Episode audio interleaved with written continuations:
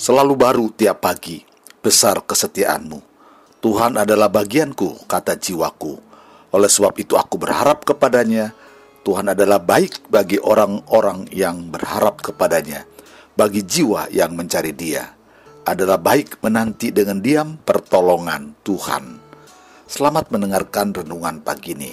Tuhan memberkati. Shalom, judul renungan kita hari ini adalah menunjukkan dengan perbuatan. Ayat firman Tuhan dari kitab Yohanes 5 ayat 36.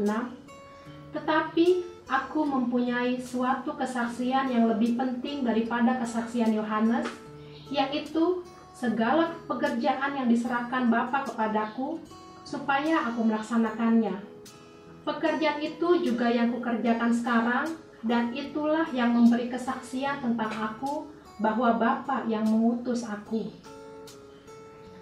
Saya teringat akan sesuatu ketika bergereja di sebuah kota kecil di Jawa Tengah, yaitu teringat akan pelayanan seorang koster gereja.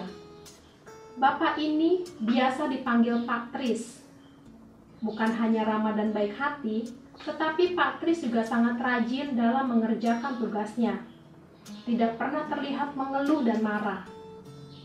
Oleh sebab itu, bertahun-tahun Pak Tris dipercaya untuk menjadi koster. Pihak gereja melihat dari pekerjaan yang dilakukan Pak Tris dan sikap hidupnya, itulah yang menjadi dasarnya dan telah menjadi kesaksian bagi banyak orang. Kali ini kita akan belajar mengenai tokoh sentral Alkitab yaitu Yesus yang menegaskan tentang pentingnya sikap hidup dan aktivitas untuk menunjukkan jati diri kita yang sebenarnya. Dalam pelayanannya, sering kali Yesus didesak untuk menyaksikan dirinya secara langsung. Orang Yahudi menuntut tanda kalau dia benar-benar Mesias, tetapi Yesus tidak mau memperjelas dia hanya menunjukkan melalui apa yang dia kerjakan.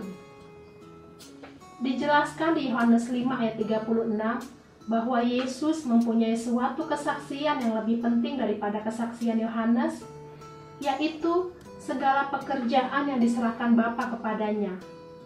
Yesus menegaskan bahwa pekerjaan Bapa itu yang dia kerjakan dan yang memberi kesaksian tentang dia, yaitu bahwa Bapa yang telah mengutusnya. Kata lebih penting bisa juga diartikan lebih besar. Yohanes Pembaptis telah memberi kesaksian tentang Yesus, yang adalah anak domba Allah yang menghapus dosa manusia. Ini sangat berguna bagi orang Yahudi, tetapi Yesus menunjukkan kesaksian yang lebih besar yang lebih mengena yaitu dengan pekerjaannya. Kata pekerjaan bukan hanya menunjuk kepada pekerjaan, namun juga menunjuk kepada perbuatan yang jelas adalah aktivitas Yesus. Mengapa ini lebih besar? Karena pekerjaan yang Yesus kerjakan adalah berasal dari Bapa, yang dengan demikian menunjukkan bahwa Yesus berasal dari Bapa sekaligus menekankan bahwa Yesus adalah anak Bapa. Kalau orang melihat apa yang dilakukan Yesus, maka seharusnya mereka tidak menyangka bahwa Yesus adalah Mesias yang dijanjikan itu.